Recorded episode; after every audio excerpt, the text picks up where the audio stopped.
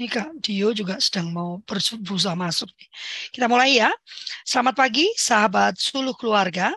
Kita bertemu kembali dalam Kultur Parenting Pagi edisi tanggal 5 Oktober. 5 Oktober itu bukan hari ABRI ya? Iya. Hari Angkatan Bersenjata kan? Oh iya, uh, pantesan Kak Irwan cuma bisa mantau dari YouTube ini ya. Selamat ya Kak Irwan, selamat teman-teman di Angkatan Bersenjata Republik Indonesia ya, Dirgahayu. Uh, kita di 5 Oktober tahun 2022 hari Rabu dan hari Rabu sedapat mungkin saya dedikasikan untuk uh, anak berkebutuhan khusus dan emosi. Dan pagi ini uh, saya terpaksa harus mengganti-ganti karena harus mengikuti jadwal teman-teman yang sudah bersedia menjadi narasumber dalam kiat kita pagi ini. Uh, dan pagi ini kita ditemani Kak Twinky.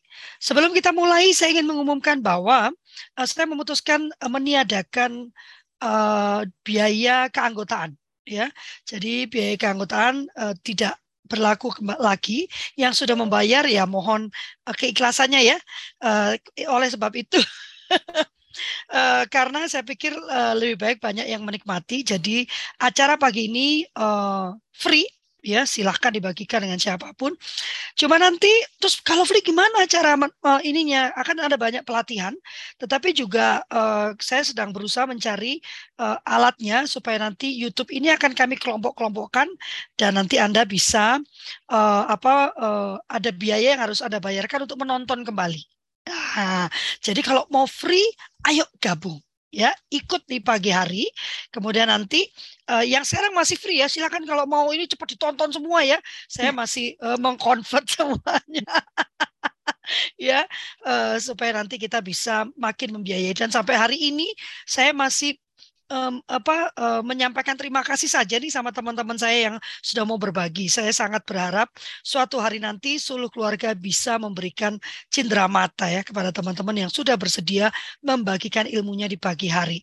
Ya, dan pagi ini kita akan bicara tentang kemandirian karena satu bulan ini tema yang saya ambil adalah ketangguhan ya ketangguhan uh, bagi anak-anak dan keluarga ya. Kalau keluarganya nggak tangguh ya nggak mungkin kita bisa menghasilkan anak-anak yang tangguh ya.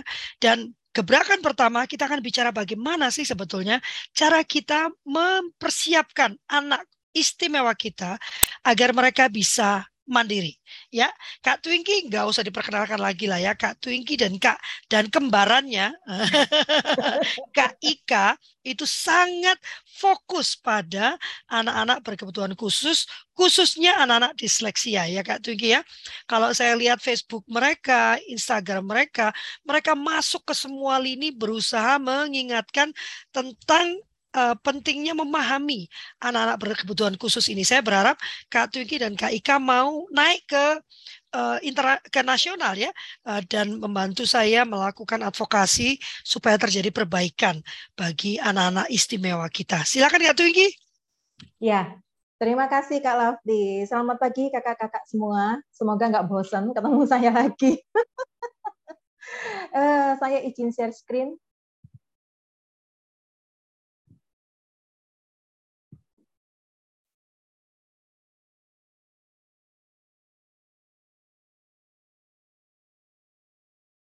Sudah terlihatkah? Sudah. Sudah, ya. Sudah. Ya, pagi ini saya akan sharing mengenai mengenai menyiapkan ABK menjadi mandiri. Ini kok tidak bisa slide sih. Nah, oke. Menyiapkan ABK menjadi mandiri. Yuk, kita samakan persepsi. Selalu kita samakan persepsi dulu ya. E, mungkin ada teman-teman di sini yang belum pernah e, mengikuti atau gabung pada sharing-sharing saya sebelumnya. Jadi kita samakan persepsi dulu, anak ABK itu apa sih? Gitu ya. Itu adalah semua anak yang membutuhkan perlakuan khusus. Jadi kita pun sebagai individu dewasa apabila kita membutuhkan perlakuan khusus, otomatis kita juga masuk IBK, gitu ya. misalnya, misalnya nih sekedar eh, tempat parkir aja ya, tempat parkir kita minta khusus nih harus ada khusus nih buat aku ini kita masuk IBK karena membutuhkan perlakuan yang khusus. Oke siapa aja? Anak-anak dengan penyakit bawaan eh, mungkin epilepsi tumor kanker gitu ya atau jantung, anak-anak yang memiliki IQ di bawah rata-rata, anak-anak yang memiliki IQ rata-rata sampai rata-rata ke atas dengan catatan bahwa mereka membutuhkan perlakuan khusus. Kemudian anak-anak jalanan, anjal, anak-anak dengan gangguan perkembangan seperti yang kita tahu seperti uh, autis, disleksia, CP, gitu ya, dan sebagainya. Kemudian uh, kalau pada saat saya sharing ada teman-teman yang mau bertanya, nggak apa-apa saya langsung interrupt. Kemudian kita samakan persepsi juga mandiri itu apa atau kemandirian itu apa. Kemandirian atau mandiri adalah tidak terlalu bergantung pada orang lain untuk urusan yang bisa ia selesaikan sendiri. Jadi kemandirian juga hampir sama dengan kreatif yang tidak bisa muncul begitu saja. Oleh karena itu sifat mandiri harus dilatih sejak dini. Jadi mandiri itu bukan mandi sendiri ya. mandiri itu benar-benar dia bisa melakukan semua yang dia butuhkan sendiri tanpa atau tidak terlalu membutuhkan bantuan dari orang lain. Nah, kemandirian ini sifatnya bukan seperti seperti bakat. Kalau bakat itu sudah ada. Anak lahir sudah ada bakatnya nih, gitu ya. Tinggal diasah sedikit sudah langsung bersinar dia. Tapi kalau mandiri ini harus diajarkan. Tidak bisa nanti kan bisa sendiri, nggak ada kata-kata seperti itu ya. Jadi harus kita latih. Nah, ini ya, usia berapa sih? Orang-orang selalu bilang anak saya masih kecil, Bu, gitu. Janganlah, jangan disuruh ini, jangan disuruh itu. Yuk kita lihat dulu. Menurut pakar pendidikan uh, usia dini, Dr. Montessori, anak-anak terlahir dengan panca indera yang terus-menerus menerima rangsangan dari sekelilingnya. Sehingga perkembangan tubuhnya secara bertahap akan siap menjadi mandiri umur yang paling tepat untuk mempersiapkan adalah ketika ia memasuki usia satu tahun. Jadi usia satu tahun sudah diajarkan, bisa diajarkan untuk mandiri sesuai dengan usianya, gitu ya. Jadi saat si kecil sudah mulai stabil dalam melakukan sesuatu, sudah bisa jalan, punya pemikiran dan keinginannya sendiri, terlebih sudah dapat mengutarakan keinginannya sendiri. Jadi di usia satu tahun sudah dapat diajarkan untuk bisa mandiri. Nah ini ya eh, sekilas cuplikan kemandirian. Jadi dia paling tidak bisa ngatur tempat tidurnya sendiri, gitu ya. Meskipun kalau masih kecil mungkin hanya ngatur ini aja apa bantalnya aja disusun gitu ya. Nanti rada gede mulai belajar melipat selimut meskipun melipatnya harus di lantai gitu ya dan membutuhkan area yang besar. Kemudian sudah bisa mengerjakan tugas-tugasnya sendiri, sudah bisa pakai sepatu sendiri, gitu. tapi ada ada tahapan usianya ya. Kemudian membereskan mainan, anak usia satu tahun sudah bisa diminta untuk membereskan mainan, mungkin dengan bantuan orang tuanya. Cuci sendiri, nyiapkan tasnya sendiri, makan sendiri, gitu ya, dan sebagainya. Oke, kenapa sih kemandirian itu dibutuhkan?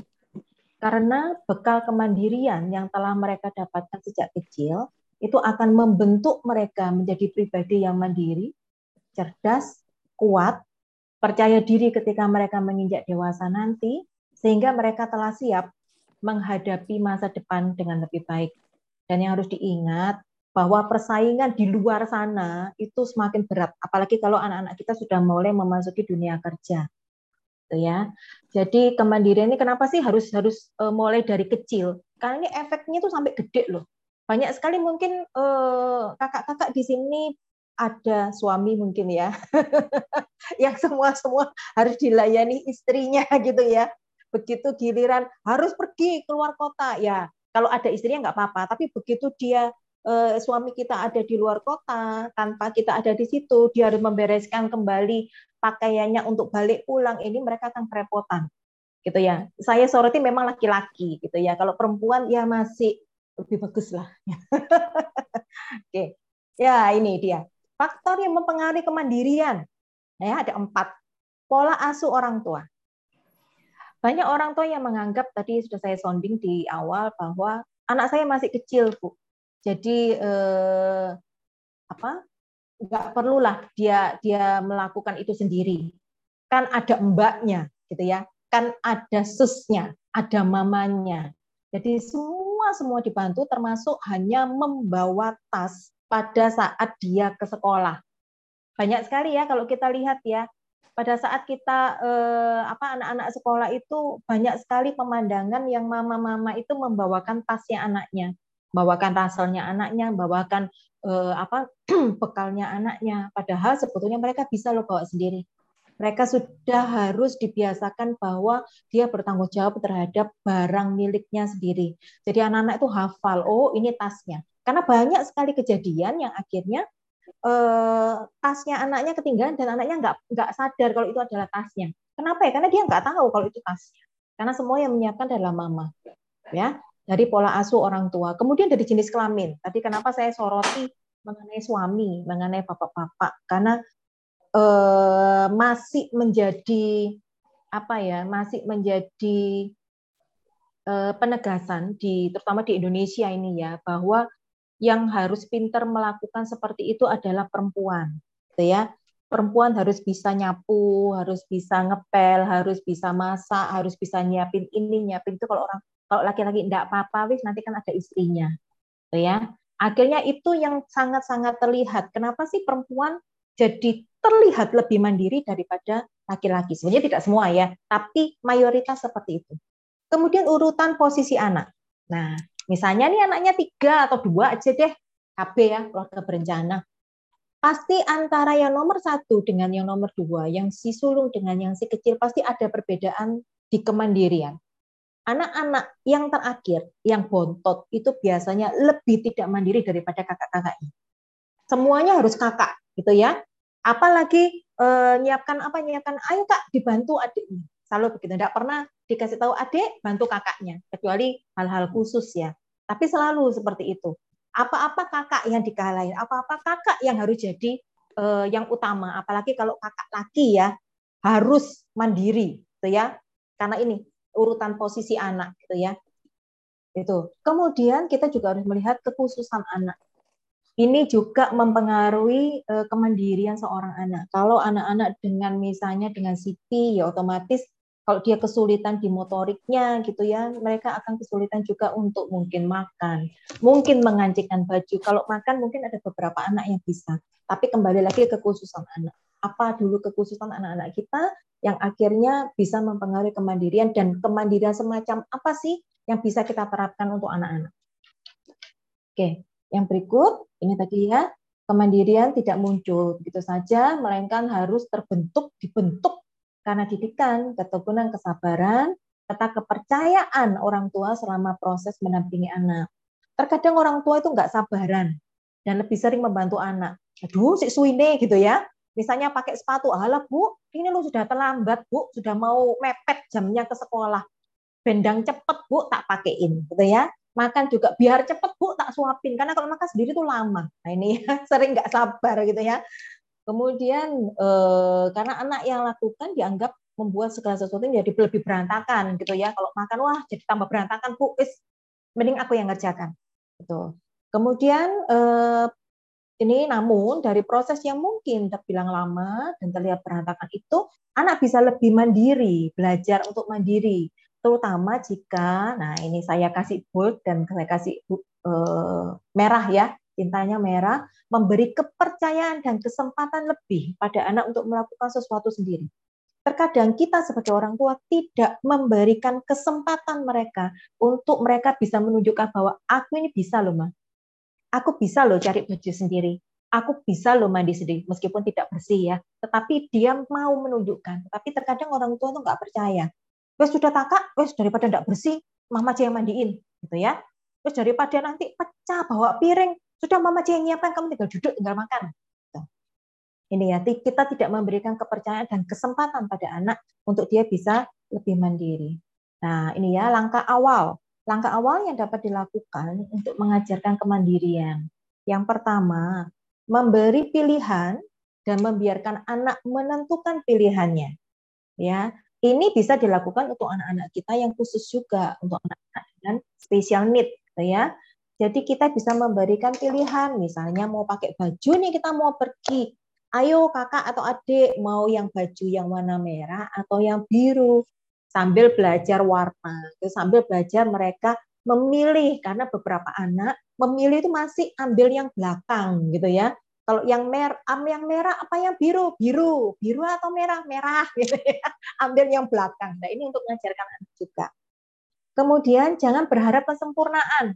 Nah, kalau orang-orang bilang kesempurnaan itu hanya milik Tuhan, gitu ya. Betul itu. kita nggak ada yang sempurna. Jadi kita tidak boleh juga menuntut anak kita sempurna. Kita aja loh juga nggak sempurna, gitu ya. Jadi sempurnanya anak dan sempurnanya kita otomatis berbeda. Kemudian ciptakan suasana yang positif apabila uh, dia milih nih uh, baju, mak aku mau baju ini sama ini, lo yang nggak apa-apa loh kalau tabrakan, gitu ya. kalau kita nggak mau, karena mungkin pilihan anak kita kok tabrakan terus ya warna-warna itu genjreng terus. Oke, artinya mama tidak meminta anak untuk memilih deretan baju yang ada di lemari, tetapi dikeluarkan oleh mama dan ditunjukkan ke anak untuk milih. Gitu ya. Ini akan lebih mempersempit pilihan anak. Jadi kita bisa yakin, oh dia milihnya yang ini nih gitu ya. Karena anak-anak biasanya kalau suka dengan satu baju terasa enak dipakai, dia akan minta baju itu terus. Samalah seperti kita ya, kita yang yang para mama-mama ini kalau di rumah kan kita punya dress apa ya, dress kebangsaan gitu ya. daster atau piyama gitu ya. Kadang enak banget ya. Mungkin ada sampai ada uh, timbul ventilasi-ventilasi di mana-mana tapi kalau buat kita nyaman kita akan pakai terus gitu ya. Ya sama anak-anak juga sama. Kemudian yang berikutnya sabar dengan setiap proses yang ibu ajarkan pada anak ingat anak-anak kita ini nggak instan gitu ya. Mereka juga membutuhkan proses untuk belajar. Tidak ada kata-kata sudah diajari kok masih begini. Loh ya iya ya enggak apa-apa. Namanya anak-anak kok. Kita aja kadang diajarin sekali dua kali juga masih lupa gitu ya. Jadi wajar anak-anak juga begitu. Kemudian puji setiap kali anak berhasil melakukan sesuatu. Terkadang kita sebagai sebagai orang tua terkadang kita lupa pada saat anak melakukan sesuatu yang kita nggak suka kita akan marah gitu ya kita akan kasih uh, punishment kita akan kasih reward negatif tetapi pada saat anak melakukan sesuatunya sendiri meskipun berantakan kita terkadang lupa untuk memuji. Tidak usah memuji deh, ngomong terima kasih aja. Terima kasih ya, e, piringnya kakak sudah e, bantuin mama untuk taruh di tempatnya. Itu aja. Terkadang kita tidak pernah melakukan itu. Padahal itu kan mulut ini kan pemberian Tuhan. Suara ini pemberian Tuhan. Kita hanya menyuarakan tanpa membayar, kita bisa loh kasih kasih semangat, kasih uh, dukungan ke anak gitu ya. Jadi ayo mulai sekarang biasakan kita tidak hanya menghukum anak pada saat anak melakukan sesuatu yang salah atau kurang baik, tetapi pujilah anak atau berterima kasihlah kepada mereka pada saat mereka mau membantu kita atau mereka bisa melakukan sesuatunya secara mandiri sesuai dengan usianya berantakan juga nggak apa-apa ya oke nah kalau kita bicara mengenai milestone milestone itu tahap perkembangan. Kalau eh, kakak-kakak di sini cari uh, milestone di mana? Di Google, ketik aja tahap perkembangan anak usia berapa gitu ya, sesuai dengan anak-anak yang kakak miliki. Ini nanti akan keluar. Milestone atau tahap perkembangan ini tidak hanya tahap perkembangan berbahasa, kognitif, motorik, tetapi juga ada milestone kemandirian. Nah, kita tahu anak kita ternyata ada sesuatu yang berbeda, itu karena kita melihat milestone. Anakku misalnya nih, usia tiga bulan harusnya eh, lehernya sudah kuat nih, sudah tegak.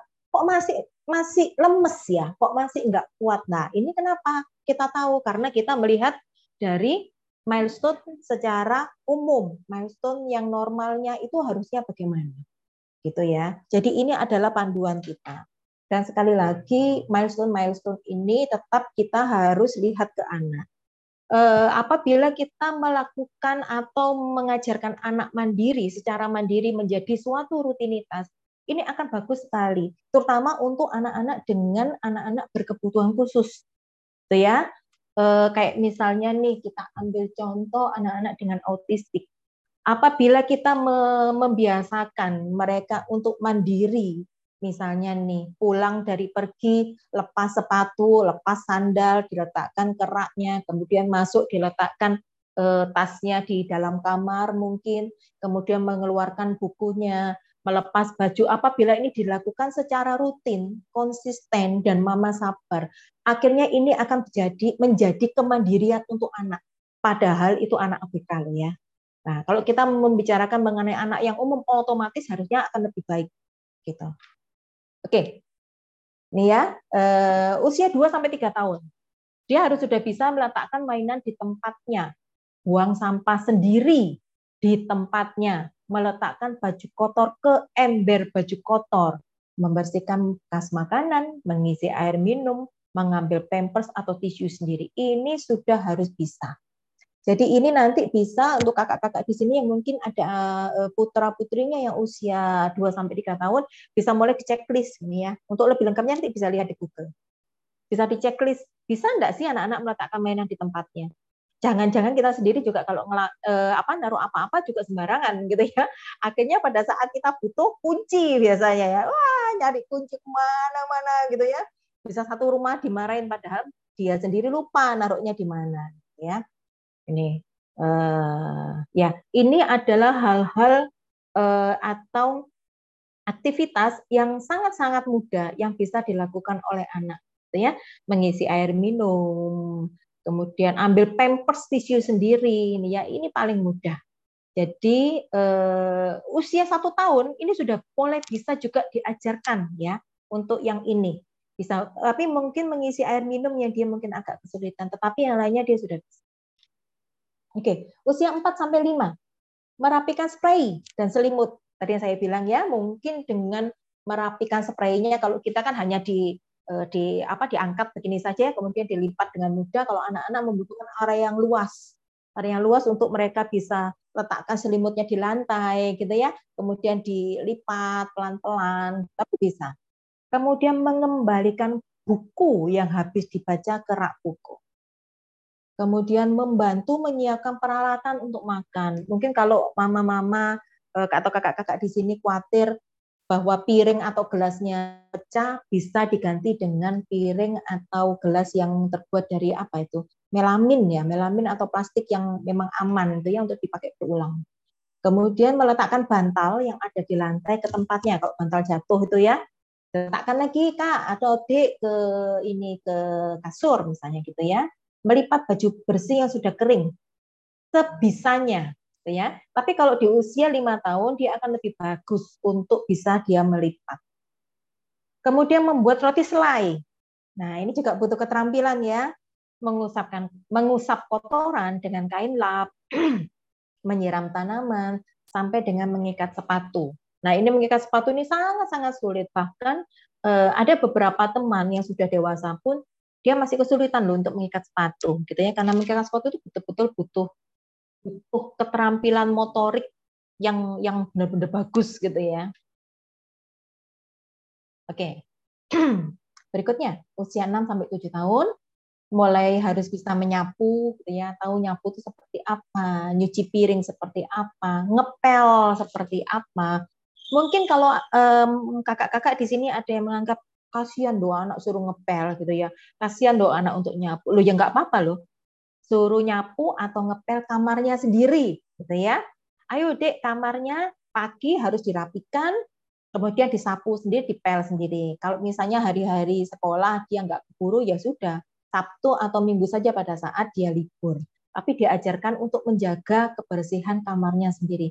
Main, nggak apa-apa loh main satu rumah kotor semua. Tapi konsekuensinya adalah dia harus membereskan setelah eh, mereka selesai bermain.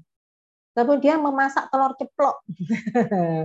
Ini kelihatannya uh, menakutkan ya. Waduh, masak telur ceplok, nyalakan api, wah sudah pikirannya sudah takut. Tapi kalau kita sedini mungkin mengajarkan anak-anak, oke okay, dek, ini loh kalau nyalakan kompor tuh harus kayak begini, kemudian goreng harus begini, mananya harus dipegang, pegangnya pakai apa. Artinya akhirnya nanti pada saat kita tidak di rumah, dan anak-anak pingin meniru mamanya yang enak gitu ya, yang bisa masak, yang sampai dilempar-lempar bisa balik. Kalau saya dilempar telur nggak balik gitu ya. Nah, kalau mereka ingin melakukan, ingin mencontoh, mereka sudah tahu safety-nya kayak apa sih, yang benar kayak apa sih, ya. Mengupas kulit, wortel dan kentang, membantu membuat list keperluan belanja mingguan sekalian melatih anak untuk menulis gitu ya kemudian memotong bawang, melipat handuk sampai mencari pasangan kaos kaki. Sebetulnya kalau kakak-kakak lihat di sini dari uh, usia 2 tahun tadi ya sampai sekarang, kakak-kakak lihat ada tingkatan-tingkatan kesulitan ya. Kalau di awal uh, kesulitannya mungkin sangat minim dibandingkan dengan yang usia 6 sampai 7.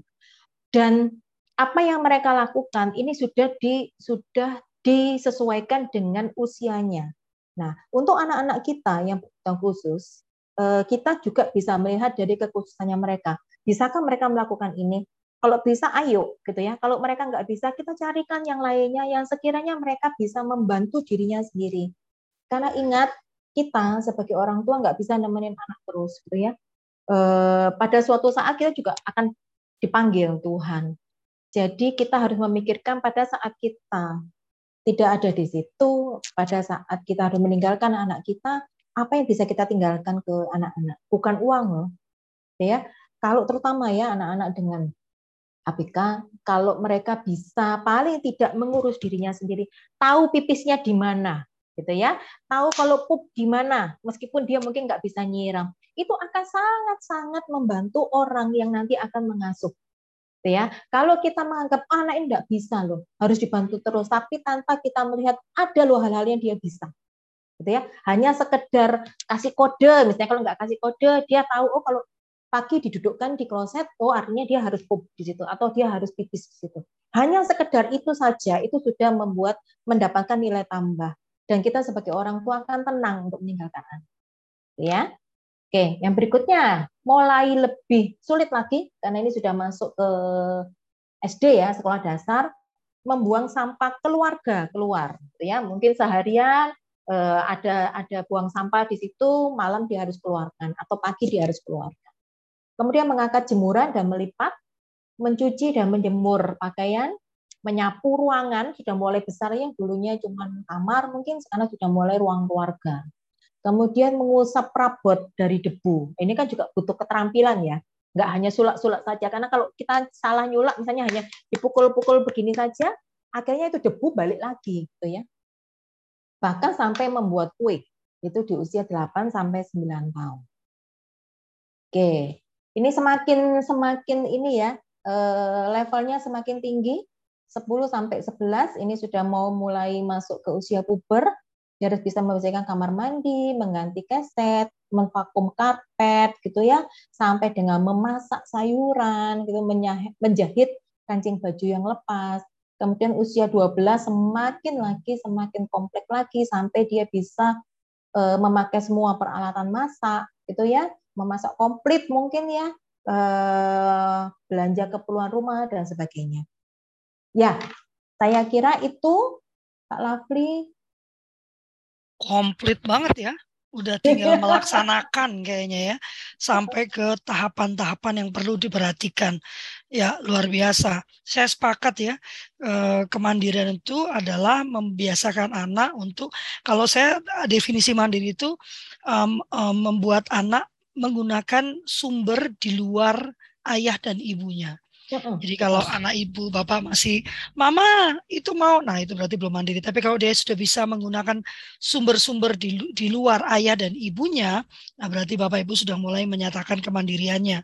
Makanya kalau ke toko, ke, ke apa ke restoran gitu ya, izinkan anak dalam perlindungan kita untuk uh, meminta sendiri apa yang diperlukan ya kak ya kak Twinky ya. Apakah ada pertanyaan dari teman-teman ini? Uh, saya rasa tadi itu sangat komplit ya sampai ke usia ini sebaiknya apa yang dilakukan, usia ini apa yang dilakukan. Satu yang ingin saya uh, saya uh, tekankan ya bahwa kita menyampaikan kemandirian anak itu tidak berarti kita membuat hidup anak itu sengsara ya. Hmm. karena pernah ada satu psikolog yang mengatakan lebih baik kita quote unquote membuat hidupnya sengsara saat ini untuk kemandiriannya di masa depan ya.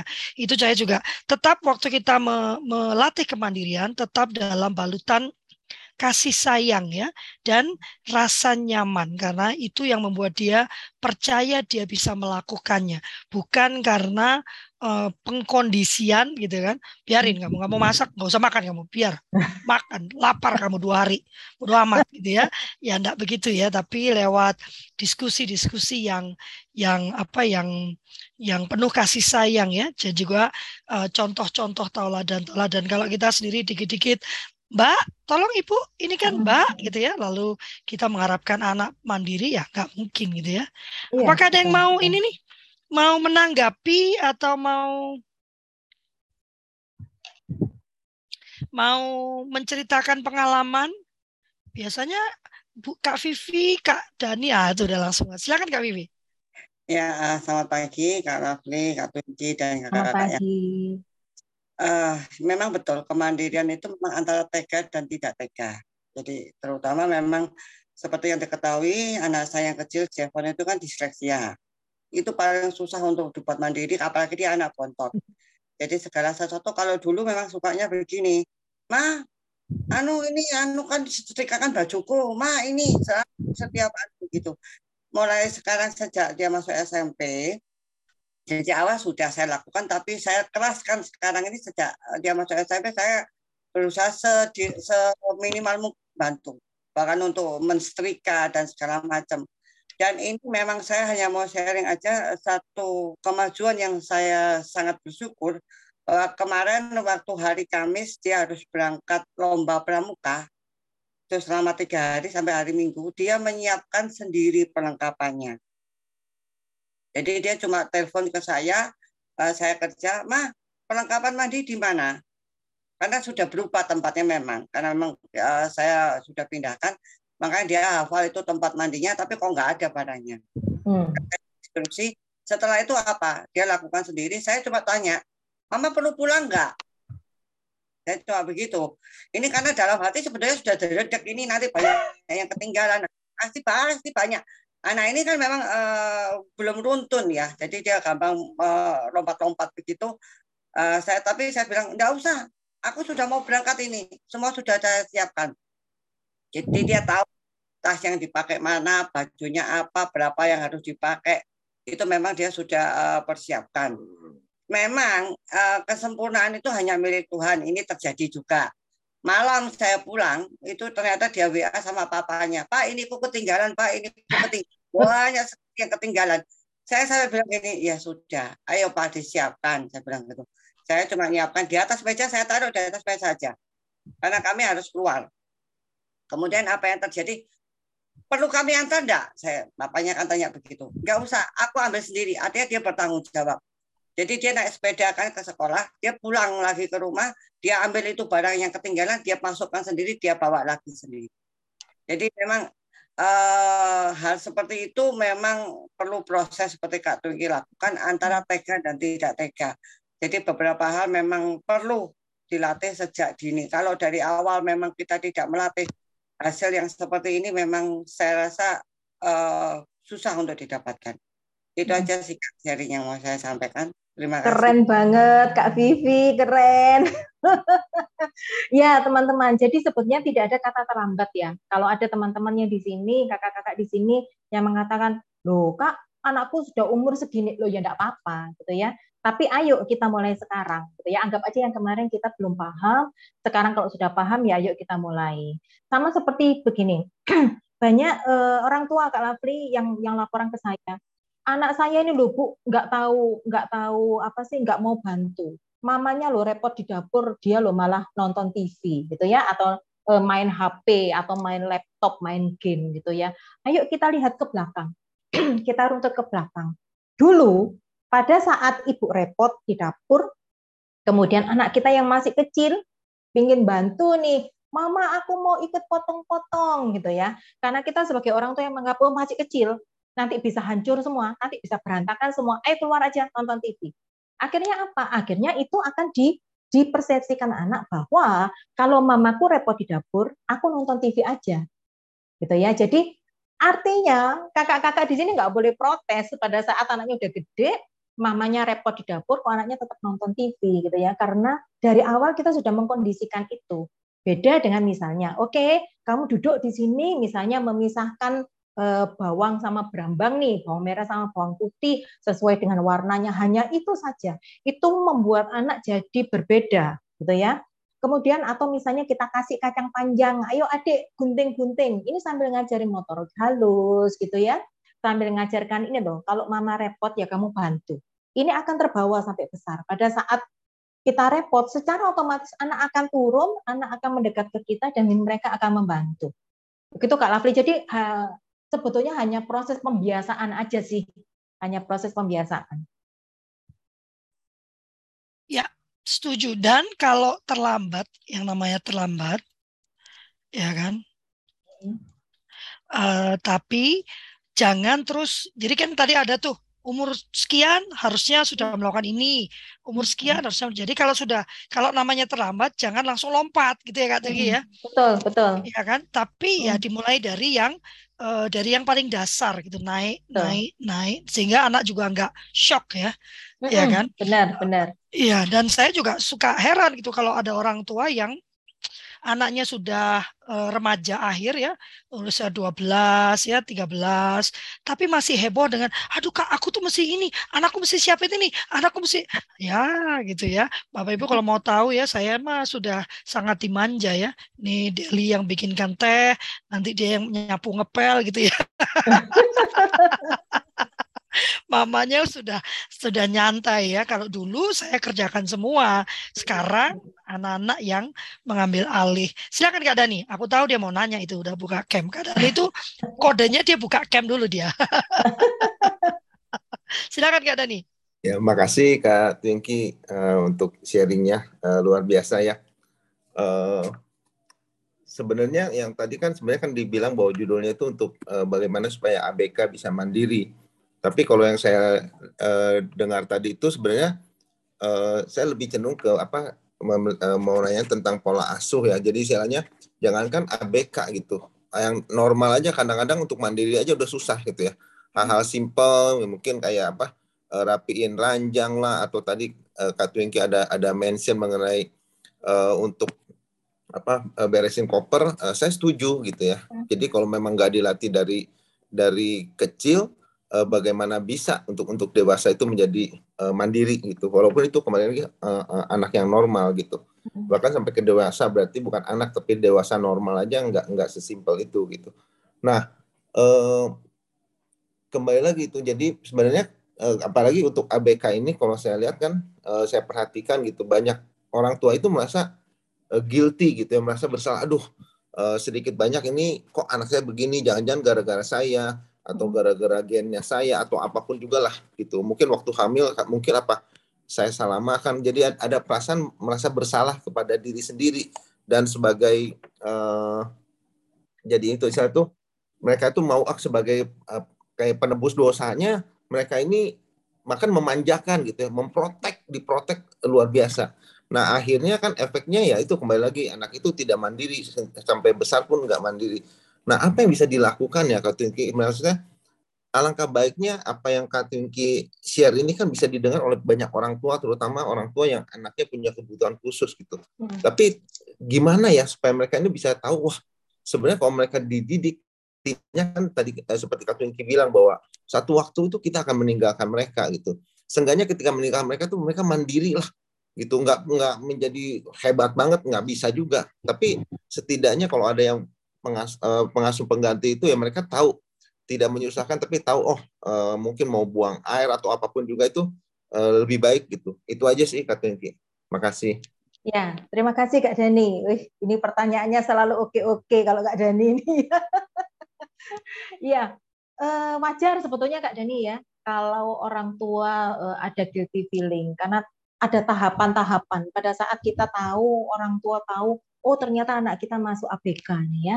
Apalagi e, kalau ABK-nya yang benar-benar yang harus dibantu gitu ya. E, mungkin di awal ada rasa denial dulu. Enggak ah, anak saya enggak begitu gitu ya. Kecuali kalau sudah terlihat secara fisik ya. Enggak ah, anak saya enggak begitu. Ada ada proses denial, kemudian masuk ke proses marah Kenapa kok begini? Kenapa kok Tuhan kasih anak seperti ini ke aku? Kenapa kok begini? Selalu begitu.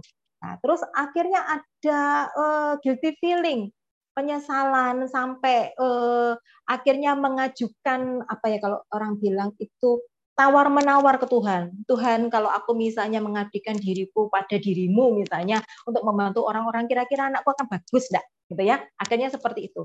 Nah, saran saya tahapan-tahapan itu memang akan akan dilalui oleh semua orang tua yang terutama mempunyai anak-anak dengan APK. Tapi saran saya adalah jangan lama-lama di situnya. Ayo kita lihat ke depan. Dengan kita merasa bersalah, dengan akhirnya kita memanjakan anak, efeknya apa sih? Nggak ada, nggak ada efeknya, gitu ya. Jadi kita harus lihat, kita harus mempersiapkan anak ini kita ke depan. Kita atau kakak-kakak yang mempunyai anak umum, saya nggak bilang normal, saya bilang umum, anak-anak yang mempunyai uh, teman-teman yang punya anak umum pasti juga sudah sudah apa ya sudah mempersiapkan. Anakku nanti sekolahnya nanti kalau uh, aku bisa bayar aku harus bagaimana? Misalnya dengan masukkan ke deposito mungkin dengan investasi rumah investasi apa. Tapi mereka sudah punya planning nih untuk anak-anaknya. Apalagi kita atau teman-teman di sini yang mempunyai anak-anak dengan ABK otomatis planningnya harus lebih kencang nih kalau planningnya malah nggak ada, ya malah nggak bisa. Tadi yang saya bilang, anak dengan autistik pun dia bisa loh melakukan kemandirian itu, tapi kita harus menjadikan itu sebagai suatu rutinitas, menjadi suatu kebiasaan. Dengan kita atau anak kita terbiasa melakukan itu, hasilnya kan bagus sekali. Tanpa kita suruh, dia sudah sudah melakukan itu dan boleh dibandingkan. Boleh dibandingkan. Anak-anak dengan ABK, kita ngomong autis ya. Anak-anak dengan autistik dengan saudaranya yang mungkin umum gitu ya kemandirian apabila sama-sama dilakukan secara rutin yang paling bagus terlihat adalah anak-anak dengan autistik. Ya anak-anak dengan autistik itu sakit anaknya rigid banget. Jadi kalau diajarkan seperti itu secara otomatis tanpa mama ngomong tanpa kita mengingatkan itu semua sudah jalan sendiri. Beda dengan anak umum. Kalau anak umum kita harus ngomel dulu ya ayo kak sepatunya taruh di mana gitu ya ayo baju kotornya tetap gimana. Tapi kalau anak kita yang spesial enggak loh. Kalau sudah itu sudah menjadi rutinitas, secara otomatis loh dia taruh. Gitu ya. Dan sekali lagi harus diingat bahwa dengan mengajarkan kemandirian ini bukan kita apa ya menyusahkan anak, bukan kita eh, apa tidak sayang sama anak loh. Tapi ini karena kita sayang loh. Kalau kita nggak sayang, ya yuk yuk dilayani aja. Tapi pertanyaan mau sampai kapan? Kalau sampai gede bagaimana?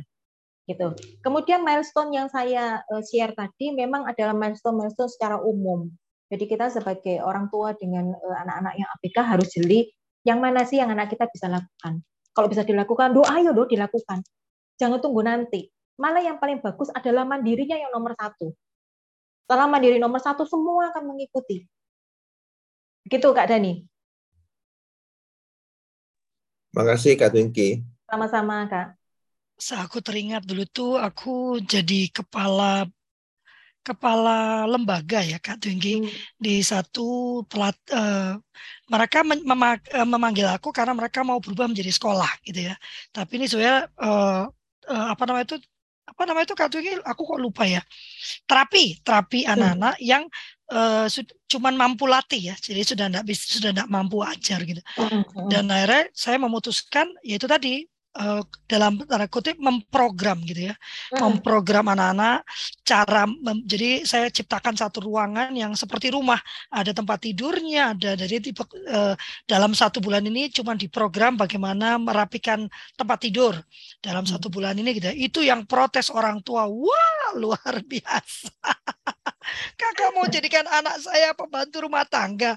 Wah, padahal uh, dalam mimpi saya itu setidaknya karena anak-anak ini memang anak-anak yang sangat patuh kalau menurut saya ya dia nggak banyak protes gitu kan ya. apa yang makanya kita harus pastikan program yang kita masukkan ke anak ini harus positif harus baik gitu karena sekali itu tertanam dan dia akan melakukan secara otomatis nggak kayak kalau anak reguler tuh kan protesnya luar biasa ya. Kalau ini dia tidak bakal protes, dia akan kerjakan kecuali uh, rutinitas dia di diputus, nah itu protes dia ya, karena hmm, dia tidak nyaman. Ini ada curhatan pagi nih dari Kak Fadila nih. Selamat pagi Bu, maaf ingin curhat saja. Jadi anak saya lima tahun, saya sudah biasakan dia untuk membersihkan mainannya sendiri. Lalu hmm. menaruh piring makan ke tempat cucian, menaruh barang pada tempatnya. Tapi ini neneknya. mungkin tidak tega. Jadi malah mamanya yang diomelin. Padahal kalaupun neneknya sedang tidak di rumah, anak-anaknya anaknya sudah tahu tugas-tugasnya. Ini masalah klasik ya. Terima kasih ilmunya. Dulu itu ada Pak siapa ya yang bicara tentang uh, grandparenting. Perlu itu grandparenting. Silakan Kak Twinky. Ya, terima kasih uh, Mbak Fadila. Uh, memang ini jadi apa ya? Akhirnya banyak banyak uh, orang tua yang yang mengeluh soal ini ke saya. Bu, saya ini sudah ngajarin anak saya mandiri. Begitu kena neneknya, gitu ya. nah, sudah hancur semua. Yang harus kita pahami adalah fase-fase uh, kita ya fase semua semua manusia itu ada fase-fasenya dari fase bayi kemudian eh, apa eh, anak kemudian remaja eh, dewasa awal dewasa madya sampai manula gitu ya yang harus kita pahami adalah para grandpa para grandma gitu ya nenek kakek utikung dan sebagainya ini mereka ada rasa kosong sebetulnya gitu ya yang dulunya mereka sama seperti kita saat ini yang masih muda-muda. Saya kan juga masih muda gitu ya. kita yang masih muda-muda ini merasa bahwa kita dibutuhkan anak. Betul ya? Anak masih tergantung sama kita. Tetapi suatu saat, nah ini loh, suatu saat itu rasa itu sudah nggak ada. Anak kita sudah mandiri, itu yang dirasakan para utikung kakek nenek kita. Iya. Ya, sudah nggak ada rasa itu anaknya sudah mandiri, malah bisa bikin yang lebih kecil gitu kan, bikin anaknya untuk cucunya. Otomatis yang terlihat apa? Yang terlihat adalah nenek, kakek kok lebih sayang sama cucunya daripada anaknya. Karena itu sebetulnya sayangnya sama sih. Dengan anaknya dulu sama, tapi memang eh, hitungannya akan jauh lebih tega. Ya. Karena nenek kakek menganggap bahwa anakku harus bisa nih, gitu ya. Besok besar harus mandiri, begitu cucu berbeda memang karena kakek nenek ini menganggap kan ada mama papanya gitu ya. Tetapi ternyata kakek nenek ini lupa tidak memberi kesempatan pada anaknya untuk mendidik cucunya. Gitu kan ya. Jadi yang kalau kita sudah paham bahwa mereka kehilangan rasa itu, pahami dulu, kita ajak omong baik-baik, katakan bahwa kita ini bangga loh Eh, bisa punya mama papa seperti yang sekarang ini yang menjadikan kita seperti ini atau menjadikan pasangan kita yang seperti itu. Nah, kita juga ingin loh menunjukkan bahwa kita ini juga bisa. Jadi mintalah kesempatan kepada kakek nenek untuk dapat menunjukkan bahwa kita juga bisa melakukan itu. Biasanya nenek sama kakek akan luluh akan kasih Ika, kesempatan. Ya kak. Kak, kak Ani langsung tarat, langsung angkat tangan dia. Silakan Kak Ani. ya, makasih kak. Ini ini yang apa yang ku alami ya. Anakku ini eh, uh, 17 tahun sudah. Hmm. Nah, dia itu memang ABK, disleksia terus sama apa uh, ini apa slow learner seperti itu. Nah, untuk uh, kemandirian dasar dia sudah nggak masalah ya. Terus kemarin uh, pas SMP-nya saya sekolahkan di Jogja di asrama. Oke, dia sudah maksudnya dari situ dia sudah bisa mencuci baju sendiri, semuanya bisa mandi uh, dilakukan sendiri. Tapi uh, jenjang SMK, saya sekolahkan SMK, dia mau balik di Jakarta. Akhirnya kami uh, pindahkan, maksudnya sekolah di Jakarta. Nah ini selama di sekolah di Jakarta di rumah dia itu benar-benar yang uh, kembali ke nol gitu loh. Maksudnya kalau untuk uh, kebutuhannya dia dia nggak masalah, tapi untuk misalnya menyiapkan buku dan lain-lain itu mesti saya yang menyiapkan. Nah itu gimana itu Pak uh, Kak? Uh, memang usia usia biologis dia memang 17 tahun, tapi usia mentalnya seperti anak kelas 4 SD begitu. Nah itu untuk antisipasinya gimana Kak? Ya, yang kita harus pahami itu tadi Kak Ani. Eh, Kak Ani yes. tadi bilang usia kronologisnya memang 17 nih. Tapi yeah. usia mentalnya berapa? Gitu ya. Jadi yeah. kalau untuk anak-anak yang spesial begini, kita tidak bisa melihat dari usia kronologisnya, tapi kita lihat dari usia mentalnya. Hmm. Tetapi untuk kemandirian kita bisa berikan sesuai dengan usia kronologisnya. Hmm. Gitu ya. Tetapi ya. jangan mengharapkan bahwa anak-anak kita ini atau anak Kak Ani bisa melakukan semuanya sendiri tanpa disuruh. Masih belum. Karena terlihat dari usia mentalnya. Usia mentalnya masih balita. Belum. Hmm. Kalau anak balita kan masih harus diingatkan. Gitu ya. Tapi ya. mereka sudah bisa loh misalnya diajarin masak mereka sudah bisa. Yeah. gitu ya ayo kak pegang yang yang kenceng atau misalnya ambil ambil piring sendiri menyiapkan baju sendiri sudah bisa nih tetapi memang masih harus diingatkan begitu. Hmm. Dan memang banyak kak anak-anak itu yang kalau pisah dari kita masuk asrama, kos di luar kota dan sebagainya, dia terlihat lebih mandiri. Kenapa? Karena dia tahu nggak ada yang dijagain, nggak ada sih dijaga, no, gitu ya. Jadi mau nggak mau ya dia harus tanggung jawab terhadap dirinya sendiri. Tetapi jangan disalahkan juga pada saat dia kembali ke rumah yang ada mamanya, papanya terutama figur mama, figur mama kan figur nyaman ya. Figur yeah. nyaman, figur aman untuk dia. Otomatis apa? Ya balik dia. bangun pagi tidak bisa gitu ya mau apa-apa ma mau apa-apa ma gitu ya sebetulnya yeah. masih begitu wajar tapi kita ingatkan ayo kakak kamu sudah besar gitu ya uh, untuk uh, putra dari Kak Ani bisa dibuatkan jadwal atau bisa dibuatkan list apa sih yang harus dilakukan jadi kalau mau menyiapkan apa gitu seperti tadi anaknya Kak Vivi itu ya harus menyiapkan apa apa dulu sih list dulu dari malam misalnya apa nih peralatan mandi peralatan mandi itu harus siapkan apa aja Kemudian baju. Baju kamu harus berapa kali berapa hari di sana? Artinya bawa baju pergi berapa banyak? Baju tidur berapa banyak? Itu di list dulu, Kak. Setelah hmm. di list, nah ini yang menjadi panduan anak kita. Begitu mungkin ya, Kak Ani. Iya, iya. Hmm. Anak ya. saya termasuk berkebutuhan khusus, tapi uh, ringan ya. Uh, dan dia kalau pulang, aduh, malesnya luar biasa. Kalau aku udah, aku ngomel kan, kakak itu kamu kalau di rumahmu kayaknya nyapu, ngepel gitu ya. Kalau di tempatku sendiri, ya kan aku pulang, aku kan libur. Jadi benar-benar nggak mau bergerak, kan aku libur mak. Jadi kalau dia udah lama-lama, kak pulang sana kak, nyebelin banget kamu. Jadi mungkin juga ya itu tadi ya kak ya. Kalau pulang dia merasa ada mama gitu ya, ya nyaman ya. Tapi nanti mungkin kalau saya gini, kak ya sekali-sekali dong mama juga pengen dilayani. Coba bikinin mama kan bisa juga ya. Jadi kita saling merasa nyaman gitu ya. E, dibawa ya. ketawa aja. Kakak gantian dong mama yang dibikinin teh. Masa mama terus bikin teh? Ya elah gitu ya. dia akan ya. senang melakukannya karena dia sayang sama mamanya. Jangan khawatir ya. Kalau dengan nenek kakek ini memang luar biasa ya, tapi uh, apa memang begitu ya, memang suka lupa, lupa lagi. Jangankan nenek kakek kita juga kok suka lupa. Sudah bersepakat ya dilakukan lagi gitu ya. Anak hmm. juga terus berbicara, terus berdiskusi, disampaikan gitu ya.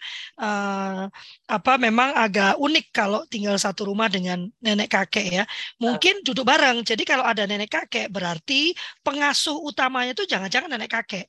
Maka perlu duduk bareng nih dengan nenek kakek diskusikan visi misi pendidikannya itu apa, tujuannya hmm. apa sehingga nenek kakek itu memahami ini loh yang mau saya tuju mama, papa gitu kan.